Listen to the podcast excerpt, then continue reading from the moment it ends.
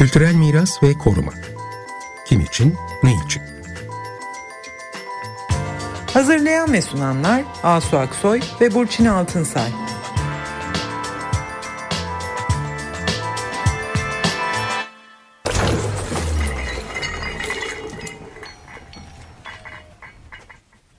Merhabalar, ben Asu Aksoy. Merhabalar, ben Burçin Altınsay. Ee, yine Kültürel Miras ve Koruma Kimin için Ne için programındayız. Ee, bu Bugün İstanbul'un vapurlarını, şehrin yaşantısının, kültürünün bir parçası olarak ve kültür mirasının parçası olarak korunması ve yaşatması üzerine konuşacağız. Geçen programımızda Haliç tersanelerinde neler olduğunu konuştuk ve o sırada tabii ki söz e, vapurlara geldi. Vapurların üretildiği yer olarak. E, vapurların İstanbulluların hayatında, bu kentin geçmişinde, hatıralarında ve bugününde de çok özel bir yeri var. E, bu e, konuyla ilgili olarak da bu akşam yine bir konuğumuz var. Konuğumuz Behiç Ak. Behiç Ak e, aslen mimar e, diyeyim, İstanbul Teknik Üniversitesi mezunu. E, fakat biz onu daha çok e, çizerliğiyle tanıyoruz e, ve yazarlığıyla tanıyoruz. Kendisi de yazar olarak e, anılmak istiyor. E, ve hiç tanıtmaya çok gerek yok. Zaten herkes tanıyor. E, bir vapurlarla çok yakından ilgili ve hiç bu konuya kafayı takmış diyelim. Biz bugün onu bu şapkasıyla konuk ediyoruz. Vapurları konuşmak üzere davet ettik. Hoş geldin de hiç. Merhaba, hoş geldik, hoş bulduk. Evet, hoş geldin Beyiç. Ne güzel e, tekrar seninle konuşmak böyle radyoda. Evet, Merhaba. E, yazar olarak seni yazar e, vapur yazar aktivisti. takımı. Var ya ben ondanım aslında. ne yani takımı yazar, dedin? Yazar çizer takımı dediklerinde evet. beyni kastediyorlar. Yazar yani. çizer ve yüzer. Vapurlar bağlı. yüzer takımı. Aslında ee, şimdi 2020'nin son programını yapıyoruz bu arada. Ee, çok güzel. Şimdi Burçin çok güzel bir şey hatırlattı. Bin, e, 2010, 2005 yılından itibaren bu kampanya var. Ben de bu kampanyayı düzenleyen e, insanlardan birisiyim. Yani birçok insan katıldı. Birçok insan bu kampanyanın sözcülüğünü yaptı zaman zaman. E, ve e, gönülden destekledikleri bir kampanya oldu. Sanırım bu halka mal olmuş bir kampanya haline dönüştü zamanla. Yani çünkü halen de bu kampanyayı sürdüren, devam Evet eden... onu bir hatırlatalım tekrar istersen Bey hiç onu söylemedik. 2005 Şimdi, yılında vapurları vermiyoruz kampanyasının başını çekenlerdendin sen. Evet. Ee, Nasıl başladı bu kampanya? 15 yıl geçti üstünden. Evet. İşte sen bu sırada bu, ula, bize bunu hatırlatır mısın kampanyada neler oldu? Niye böyle bir şey anlatmak istiyorum işte. Bunu anlatmak istiyorum. 2005 e, yılında e, vapurlar böyle peyderpey kaldırılmaya başlandı. Yani ve e, o zaman Ulaştırma Bakanı da şöyle bir şey e, demeye başladı. İşte biz bu vapurlardan artık kurtulmak istiyoruz. Bunlar eskidi. Ve biz e, bunlar yerine daha modern şeyler getireceğiz e, falan. Ve vapurlar böyle dağıtılmaya başlandı. Yani biliyorsun e, şey e, Glasgow tersanelerinde, Fairfield tersanelerinde üretilen vapurlar ilk önce söz konusu edildi. E, bunlardan mesela Turan Emeksiz vapuru e, Güzel Yalı Yalova Belediyesi'ne verildi. Ondan sonra Kanlıca Vapuru Bandırma Belediyesi'ne verildi. Ali İhsan Kalmaz'ın Haliç Üniversitesi'ne verildiği söylendi. Ve daha sonra işte şeyde defterdar tipi, Haliç Tersanesi'nin ürettiği defterdar tipi vapurlar. Bu vapurlar e, da bir kısmı da şeye Van Gölü'ne gönderildi filan. Yani ve bir şekilde böyle bir şey e, o sistemi tersanelerle birlikte oluşan bir vapur üretme sistemini bilinçli olarak bozulmaya ya terk edildi ya da kasti olarak bozulması için bir takım e, şeyler yapıldı. Faaliyetler içine girildi. Hatta e, şeyle ilgili denizle ilgili kavramlar değiştirilerek mesela işte iskelelere e, başka isimler verildi. Ondan sonra deniz mesela o dönemin Ulaştırma Bakanı'nın ettiği laf deniz en iyi asfalttır falan gibi bir laf etti. Falan yani böyle şey e, motorlu taşıtlara, lastik tekerleklilere şey yapan, atıfta bulunan bir, bir dil kullanılmaya başlandı. Bana iskelenin ismi e, o istasyon mu ne öyle bir garip bir isme dönüştürüldü filan. Tabii bütün bu şey e, deniz kültürüne karşı olan bu müdahale aslında e, bir vapur kullanıcısı olarak e, bizlerin gözlediği ilk şey değildi. Aslında bu 1986 yılından itibaren başlamış bir müdahalenin zirveye çıkmış haliydi aslında. Yani neydi o müdahale? İşte Türkiye'ye İstanbul'a Dalan tarafından deniz otobüslerinin getirilmesiydi. Yani bu 30-35 nat hız yapan e, deniz otobüsleri aslında İstanbul'un yapısına uygun değildi ve iflas edeceği çok açık bir sistemdi. Bu neden getirildi? Çünkü e, İDO diye bir ayrı bir şirket kuruldu. Bu şirket ilk önce kamusaldı fakat daha sonra özel bir şirket haline dönüştürdü. Bütün bunlar peyderpey vapurları, deniz ulaşımını e, özelleştirilmesini de kapsayacak bir şekilde sistematik olarak yapıldı. Bu aslında sistemi bozan şey, ilk sistemi bozan şey deniz otobüsleriydi. Deniz otobüsleri neden bozdu böyle bir sistemi? Çünkü e, belki 60 mil, 70 e, mil, 80 mil gibi çok uzak mesafelerde kullanıldığı zaman ancak rentable olabilecek bir sistem. İstanbul gibi zaten Boğaz yasası dolayısıyla e, hız sınırlamaları olan yani 10 natlık bir hız sınırlaması olan bir yerde 30-35 nat hız yapabilen bir takım aletlerin, şeylerin, araçların sokulması tuhaf bir şeydi. Yani çünkü İstanbul'da bir hız meselesi yoktu. Yani eğer direkt olarak e, Kabataş'tan kalkan bir vapur e, büyük adaya gidiyorsa e, direkt olarak e, Kabataş'tan kalkan bir deniz otobüsü de hız sınırlarına uyarak uymak zorundaydı zaten. Hala da öyledir. E, hız sınırlarına gitmek için arada 3 dakika ya da 5 dakika falan fark ediyordu. Oysa ki gemiler Vapurlar aşırı derece dolaştırılarak işte Burgaz Adası, Kınalı Ada, Heybeli Ada, bilmem işte oradan Kırtıköy, oradan bilmem işte Bostancı falan falan yaparak bunlar o kadar çok sanki yavaşmış gibi gösterilmeye çalışıldı ki bunların hepsi bir taktikti aslında o dönem yapılan bir taktikti. Ve vapurlar sanki e, ekonomik değil bakın bunlar miadını doldurdu filan gibi bir izlenim yaratıldı ve daha çok deniz otobüsü gelecek. E, vapurlar e, yavaş yavaş kaldırılacak gibi bir şey e, oluşturuldu, bir izlenim oluşturuldu. Biz de bu vapurların bu şekilde dağıtılması, giderek vapur azaltılmasının arkasında ne tür şeyler olabileceğini araştırdık o dönem. Araştırmamızın en önemli şeylerinden bir tanesi bu sistem tamamen ortadan kaldırılmak isteniyordu. Aslında sistem çok güçlü, çok doğru kurulmuş. Hakikaten de tamamen kamusal bir sistemdi. Yani bu sistemin doğruluğunu şöyle anlatabilirim. Mesela düşünebiliyor musun? Bir, bir İstanbul gibi bir şehir kendi gemisini üretiyor. Evet. Ve kendisini nerede üretiyor? Haliç Tersanesi. Hemen burnunun dibinde değil mi? Evet. Peki Haliç Tersanesi neresi? Haliç Tersanesi İstanbul Teknik Üniversitesi'nin Mühendishane-i Bahri Hümayun'un kurulduğu yer. İlk Türkçe eğitimin yapıldı. Abdülhamit döneminde ilk Türkçe eğitimin başladığı yer mühendislik eğitimiyle birlikte. Ve e, bu ilişki halen sürüyor o dönem. Halen sürüyor. Teknik Üniversitesi'nin gemi inşa ve gemi makina bölümleriyle organik ilişki içinde ve oradaki hocalarla tasarımlar arasında müthiş bir organik ilişki var. Aynı zamanda tersane içinde bir okul var, ustalık okulu. Kendi ustasını da orada yetiştiriyor. Anlatabiliyor muyum? Ve o, o yetişen ustaların en iyileri de teknik üniversiteye bedava olarak gönderiliyor ve onların şeyi yapılıyor orada. E, eğitimleri karşılanıyor. Ama Ondan sonra, kendi kendine yeterli bir sistem değil evet, mi? Evet, yani? tekrar dönüp iş tersanesinde çalışıyorlar. Ve bütün hatlar kendi designerları tarafından dizayn ediliyor yani bütün belki bir dönem yurt dışından alındı birçok şey işte Glasgow'dan alındı, İtalya'dan alındı fakat belli bir süre sonra onlardan yola çıkarak şehrin kendi kimliğine ve estetiğine uygun olarak hat analizleri yapılıyor. O hat analizlerine göre gemiler tasarlanıyor. Ve bu demir yoluna göre dört misli daha ucuz olabilecek bir, olan bir sistem vapur sistemi. Ve bunun aynı zamanda ucuz olan demir yoluyla olan bağlantısı son derece doğru bir şekilde kuruluyor. Yani düşün Haydarpaşa'ya gidiyor gemiler. Böyle hem yük gemileri hem şey gemileri, yolcu gemileri. Oradan tren yoluyla e, banyolarla ya da yük gemileriyle olay devam ettiriyor. Bu, bu kadar da ucuzlanmış, uc, yani ucuz bir şey olan e, ulaşım sistemi. e, çok doğru bir sistem. Neden bozuldu?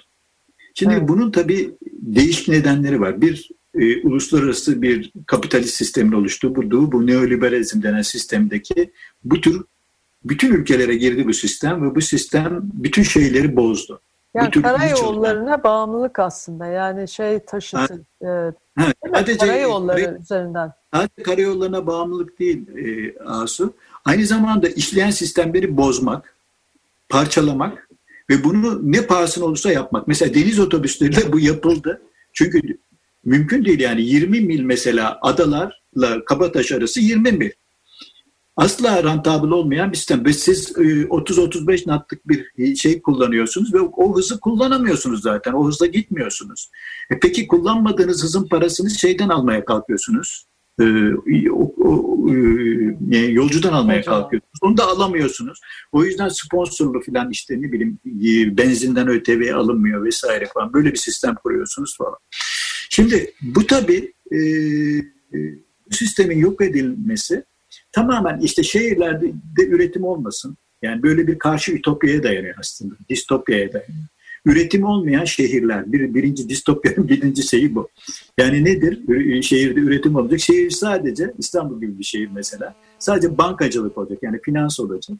Ve sadece hizmet sektörü olacak. E bu, peki bu şehir nasıl e, geçinecek?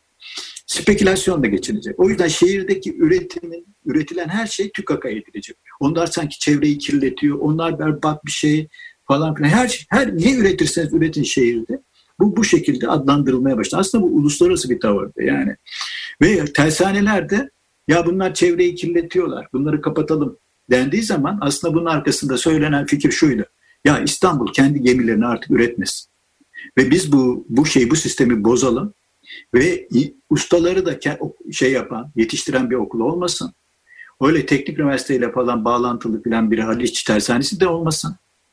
Ee, taşeron sistemiyle işçiler Tuzla'daki şeylerde güvencesiz bir şekilde günde birkaç işçinin ölebildiği bir sistem içinde çalışsınlar. Evet, Tuzla'ya kaydırıldı değil mi? Şeyler, evet, biz de evet Tuzla'ya kaldı, kaydırıldı. Bu Ulus kampanya o zaman böyle... bir sonuç alabilmiş miydi ve hiç vapurları vermiyoruz? Bir şey, e, uluslararası sistem içinde de biz de gemi üretiminde öyle bir yere alalım. Yani nedir? Bir, bir şeyin belki bir parçasını üretelim falan gibi. Hmm. Ve dikkat ederseniz belli bir süreden sonra işçi ölümleri tersanelerde çok arttı. Yani yani çok çok arttı ve oysa ki Haliç Tersanesi'nin tarihini incelediğinizde ölümlü iş kazası pek yok. Yani çünkü çok iyi kurulmuş bir sistem. Şimdi bu kampanya tabii e, daha çok kullanıcıların yaptığı bir kampanyaydı. Yani üretim kısmını çok fazla ilgilendiren bir kampanya değildi. Fakat e, çok insanı çok etkiledi. Çok insan katıldı, çok insan katılımcı oldu ve çok insan faal olarak bu kampanyada görev aldı. Nasıl görev aldılar ki işte kimisi afişleri dağıttı, kimisi şeyler yaptı, e, konuşmalar yaptı, imzalar atıldı. İşte şeyde bir sergi yaptık. Ee, büyük sergi yapıldı Kadıköy'de. İnsanlar geldiler orada konuşmalar yaptılar. Gitarlarıyla, müzikleriyle falan e, şarkılarıyla katıldılar şeye. E, bütün bu olaya. O serginin hazırlanmasında çok insanın emeği geçti. Hakikaten gece gündüz çalışıldı. Ondan sonra bir broşür yazdık ben hem yazımında bulundum hem içindeki içine bir takım çizgiler çizdim vesaire. O halka dağıtıldı vesaire. Tabii bu bitmeyen bir şey haline dönüştü. Fakat bütün bu kampanyanın sonucunda insanlar şeyi fark ettiler. Ya bu vapurlar çok güzel bir şey. Biz bunlardan niye vazgeçiyoruz? Onun yerine böyle insanların arka arkaya sıralandığı ense manzaralı deniz otobüslerine neden yönlendirilmek istiyoruz? Yani böyle bir şey birdenbire insanların kafasında belirdi ve bu vapurlarla deniz otobüslerinin arasındaki aslında hız farkının hiç de olmadığını İstanbul içinde hiç de olmadığı fark edildi. Birçok insan tarafından bu fark edildi. Fakat bu sistem e, aynı zamanda bir özelleştirme boyutunu da kapsadığı için bir takım hatların özelleştirilmesi e, deniz otobüsleriyle olamayacağı anlaşılınca çünkü hakikaten hiç ekonomik olmayan bir sistem ve son derece absürt bir sistem deniz otobüs İstanbul'da kullanma. Sonunda motorla, motorlar çoğaltıldı. Hmm. İşte bir takım yeni motor firmaları oluşturuldu, oluşturuldu ve özel sektör kısmı onlarla yapılmaya başlandı. O şekilde ve, evet özelleştirildi. O, şey, o bozulma, bozulma iki şeyle birlikte oldu yani. Bir deniz otobüsleri o sonunda iflas etti. Yok oldu. Ortadan evet. kalktı. İkincisi e, motorlar. Motorlar bugün hala devam ediyor ve her yeri böyle saran e, şey yapılan e, bu bozulmuş sistemin bir ürünü gibi. Aslında motorcuların da e, belki e, çok fazla şey yapmadı. E, yani çok fazla e, emek, çok fazla iş yükü altında bıraktıkları ve çok fazla risk alarak yaptıkları bir sisteme dönüştü. Yani motorcular da bundan mesela müthiş paralar kazandığını falan da zannetmiyorum ben. Evet. Çünkü hakikaten çok risk iste. Bir tür über, überizasyon yapıldı yani. O überleştirme evet. gibi. Hem motorunu yapıyorsun hem ondan sonra e, şeyini yapıyorsun. E, onun amortismanını sağlıyorsun. Hem e, ulaşımı sağlıyorsun hem de bilmem ne falan. Bütün bunları bunlar böyle bir takım şirketlerin üzerine yüklendi filan. Tabii bunları bu bozulduğu için bu sistem doğru olan bir sistem bozulduğu için her şey birden bozulmaya başla, başlandı. Şimdi bu tabii şey devam ediyor gene. Yani Pardon Bey, bir de o zaman İstanbul vapurunu seç diye de bir şey yapılmıştı. Tabii. Eski vapurlara benzeyen gibi ama tam da öyle olmayan. Belediye belediye bütün bu, bu çok sert vapur kampanyasına karşı çok akıllıca bir şey yaptı yani. Biz onlara çok karşıydık o dönem ama ben e, onların akıllıca bir şey yaptığında da kabul etmek zorundayım. E, şöyle bir şey yaptılar. E, İstanbul Vapurlu Seç diye bir kampanya yaptılar bizim kampanyamızı karşılamak için. Ve gerçekten de bir takım vapur tasarımları yaptılar. Ve bu vapur tasarımlarının sonucunda halka bir takım vapurlar seçtirdiler ya da seçtirdiklerini iddia ettiler neyse ama halk katıldı yani vapur kampanyasında gazıyla falan katıldı. Bir, bir iki vapur seçildi ve ondan sonra onlar üretildi ve o vapurlar e, bir şekilde şey oldu yani ama özel tersanelerde üretildi onlar. Haliç tersanesinde üretilmedi. Evet. Bu belli açıdan kaliteli vapurlardı. E, o vapurların teknik e, şeyine isterseniz girebilirim. Belli açıdan sakıncaları vardı. İstanbul Teknik Üniversitesi alt karinesini tasarladı. Daha sonraki şeyleri ise, e, üretim ise e, farklı tersanelerde özel şirketler tarafından yapıldı. Bugün ise hala kullanılan vapurlar. Fakat tabii e, İstanbul kent kültürünün, şehir kültürünün klimatizasyon şeyini tam olarak almamış işler onlar. E, bir kere e, oransal iç şeyleri, e, gövdeleri e, aşırı derecede geniş. O geniş olmasının getirdiği Lodos'a karşı momentleri hmm. çok yüksek. E, Lodos'ta çok yüksek moment oluşturuyorlar. Sanırım onu ki bir tersane yetkisiyle görüştüğüm zaman o da doğruladı. Evet biz onu öyle yaptık dedi. Sanırım onu e, Teknik Üniversite'nin yaptığı alt karineyi biraz daha genişlettiler yaparken ve o momentler o yüzden o kadar yüksek çıkmaya başladı. Çünkü Lodos'ta o gemiler çok sallanıyor. Hmm. Çok sallanıyor o şey yüzünden. Yani alt karinelerinin o kadar geniş olmalarından dolayı çok fazla sallanıyor. Diğer bizim eski emektar vapurlar ise Lodos'a karşı çok dayanıklı. Çünkü Lodos yükleri çok iyi hesap edilerek yapılmış. Eski vapurların aslında bir sorunu yoktu be hiç. Yani hakikaten Yok, senin tabii. de vurguladığın gibi mesele sistemi bozmak yani sistemi özelleştirmekti. Yoksa o vapurların değil mi bir sorunu yoktu yani o eski. Bir bakıma o eski vapurlarda olan ve işte tersanede de olan o eski bilgiyi, yılların tecrübesinden gelen e, kentle ilişkili bilgiyi biraz dikkate almayınca sonuçlar Ay, dikkate biraz dik, çok oluyor. Biraz dikkate almamak değil, yok etmekten bahsediyorum. İşte hiç dikkate evet. almayınca e, böyle oluyor.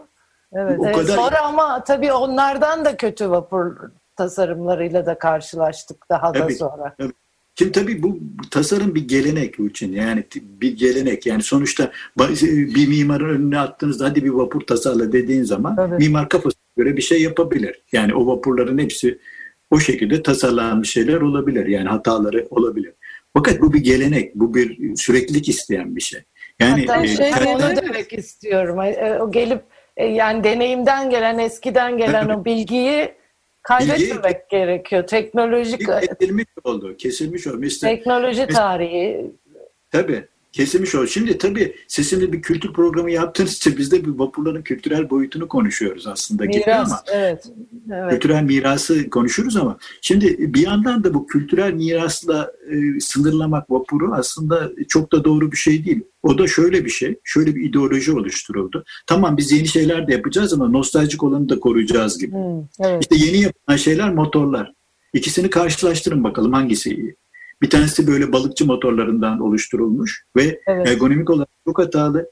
E, malzeme yorulmasının çok fazla olduğu. Fatih'in Bu şey düdüklü tencere dediklerin değil mi senin? O kapak hayır, dediklerin. Hayır hayır özel Onlar olarak ha? özel olarak kullanılan senin adadan işte karşıya geçerken Onlar da var, ha. öbürleri de var. Öbürleri de var. Yani bütün bütün bunlar e, vapurlara göre daha şey e, tasarım olarak çok çok çok geride. Çok çok. Evet yani sen bize e, kültürel e, kültür mirası açısından bakıyoruz gibi söyledin Hı. ama öyle de değil tabii. Yani tabii İstanbul vapurlar e, yolcuları için, kaptanları için, orada çalışanlar için, işte tersanede üretimi parçası olan bütün herkes için hatıraları olan, sürekli kullandığı bir yer ama aynı zamanda bugün de gündelik e, şey koşturmaca içinde Şimdi, çok güzel evet. bir ulaşım yaşayan, aracı. Evet yani, yani iskelelerle işte Tabii. iskeleleri kent e, silüetine e, katkıda bulunuyor. İskeleler deniz yapısı diliyle yapılmış evet. önceden. Şimdi onlar da bozuluyor mesela. Evet.